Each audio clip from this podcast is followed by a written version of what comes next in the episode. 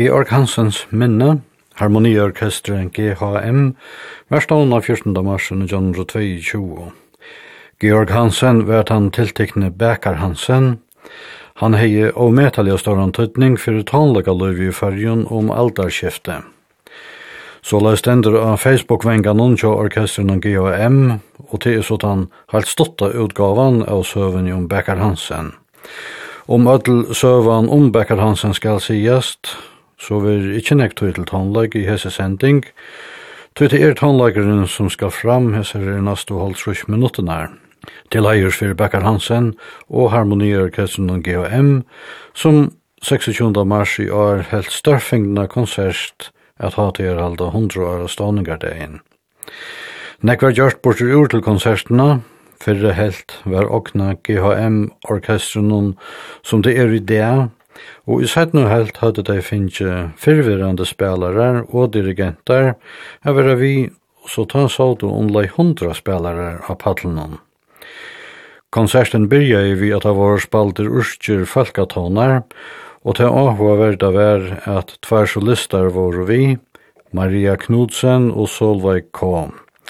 Som spalte opp av fløyter som stemva fra Bekkar Hansen, setter i stand til hesa konsert. Det er Otniel Nygård som hever restaurera fløydenar og lagt til rattes urska folketanar til orkestre. Dirigenter tja GHM er Maria Wang Reinerst. Musik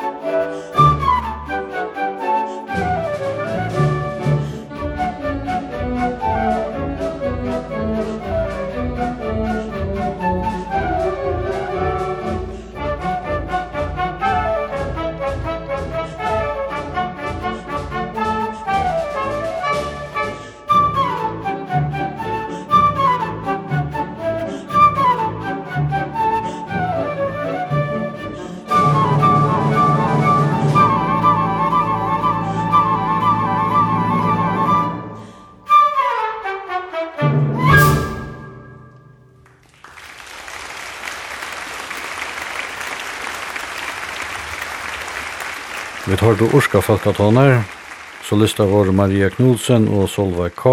av Fløyto, sammen vi GHM, Maria Van Greinert stjøtner.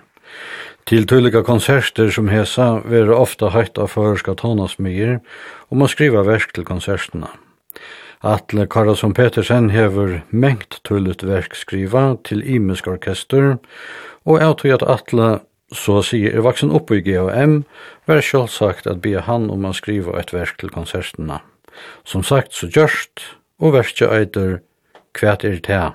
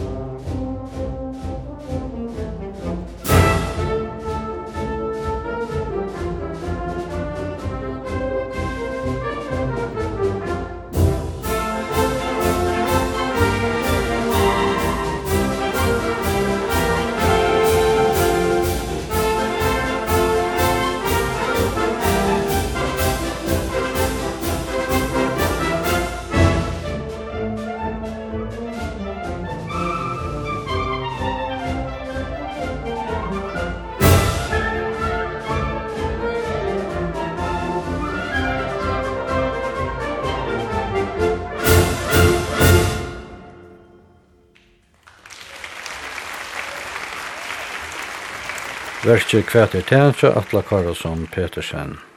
Sætten i sendingene skulle ut høyre et annet verk som Atle hever sett saman, er rettelig sermest og godt verk. Skraien til konsertene var lagt så lett til rattes av spalt vår verk som GHM hever haft av skra tjøkken ødles i hundre årene. Anskjett Iva stod at fyrrekarnir hava haft det trobult av velja fra hverje verk ikkje slopp vi henda det. Eit verk som så slapp i tjøkkenen allerede er løvlige verset tja komponisten Julius Fucik, Florentiner Marsch.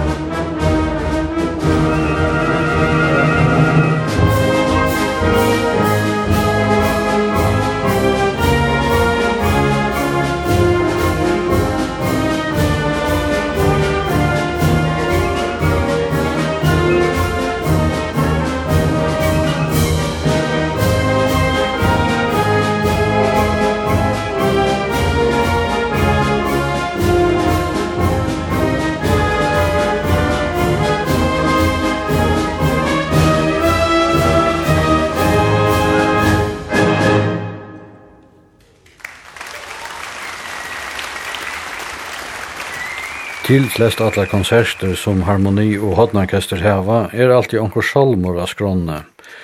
Om salmeren ikkje føreskur, ja, så vil vi færre i utleska salma hefta, og ta er det for det meste enskje salmar. Og så løs vi røysene nu, en elsker salmor, som enskje organisteren og komponisteren William Henry Monk har skriva. Her får du seks av trompetleikaren og kjørkesteren oppa sujebalkansna, og trudjur av kvarjar sjujo, og her sværa av deg atter vi fanfar og luknande tonen til salmen Abide with me. Her GHM og Maria Vang Reinerst.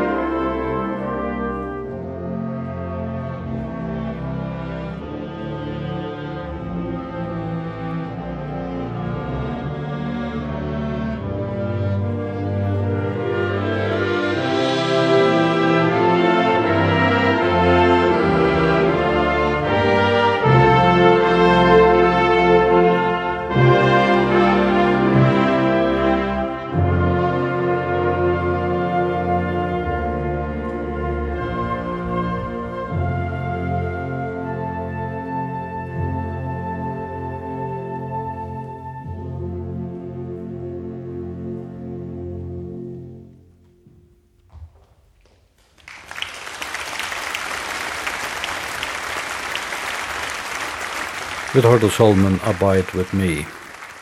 En annan solister vet til konsertene, og til er trompetleikeren Johan Hense. Verste som han spalte sammen vid GHM, hever norske trompetleikeren Oli Edvard Antonsen skriva, og han kallar verste for Vitta. Det var i 2005, eller 2006, at Antonsen fikk høve av flikva en F-16 Fighting Falcon til norska herrenom. Han flei lagt iver norska slattan i norr og og etter gav noen alt fyrir eit og a skriva verskje Vidda. Vi høyra Johan Hensen spela saman vi harmoniorkestren GHM og Maria Van Greinert stjøtnær.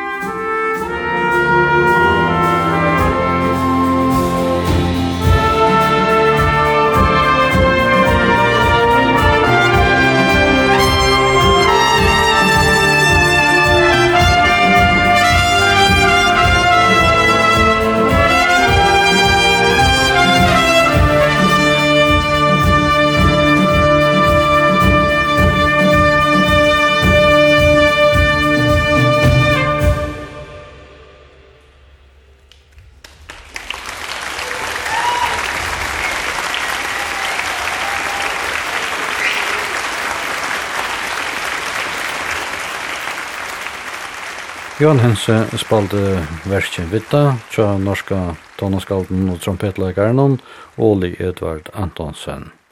GAM hever alltid føreskla via skrånne, og hese spalte det et arrangement som L. Gibson og Otniel Nygaard hava gjørst.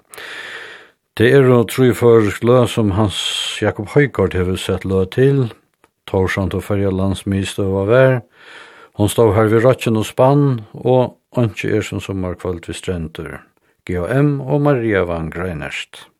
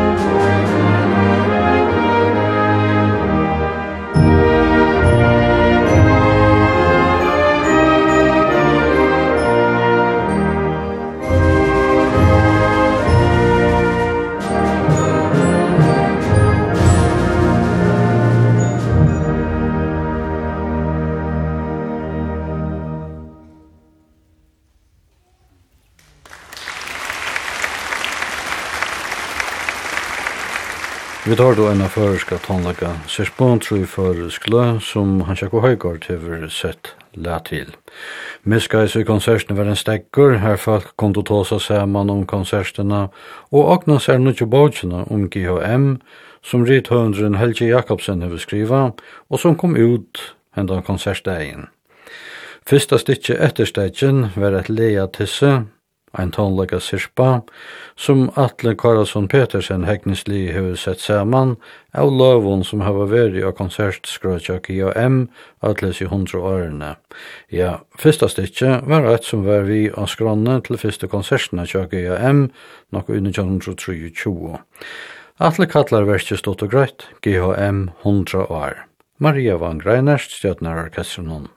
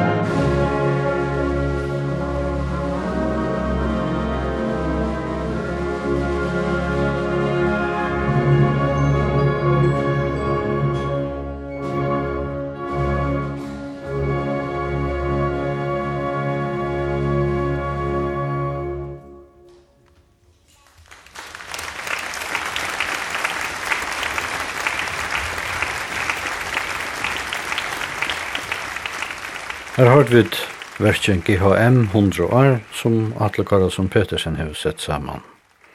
Så gjerne spalte orkestret fyra versk, som nekker av fyrverande dirigenten nonkja GHM slå på stjøtna. Fyrste var Jens Knudsen, og her spiller GHM Salmen Lloyd, og til Jens Knudsen sjálfur som har lagt rattes.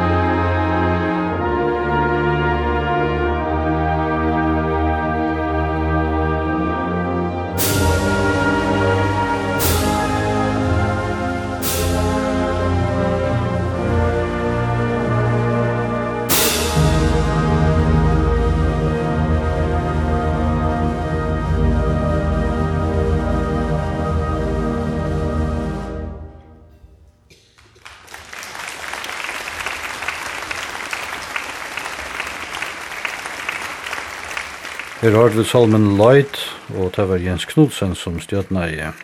Og næste dirigenter er Martin Morrison, som eisen hever stjøtna GAM i Nekvar, og nå spiller GAM kjenta Hello Dolly.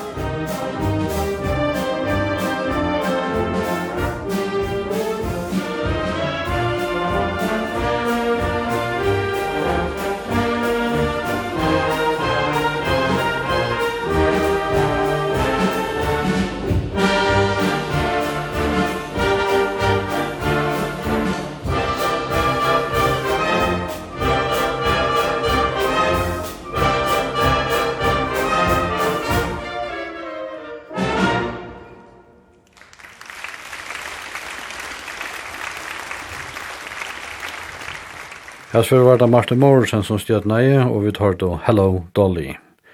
Så gjerne var en føreske sanger, en fosterlandssanger av Skrånne, Fyrja Mui Mauer, og nå er det Andrea Hendriks døtter som stjøtnar orkestren om. Andrea høver dirigenter tja GHM og flere omføren. Fyrja Mui Mauer.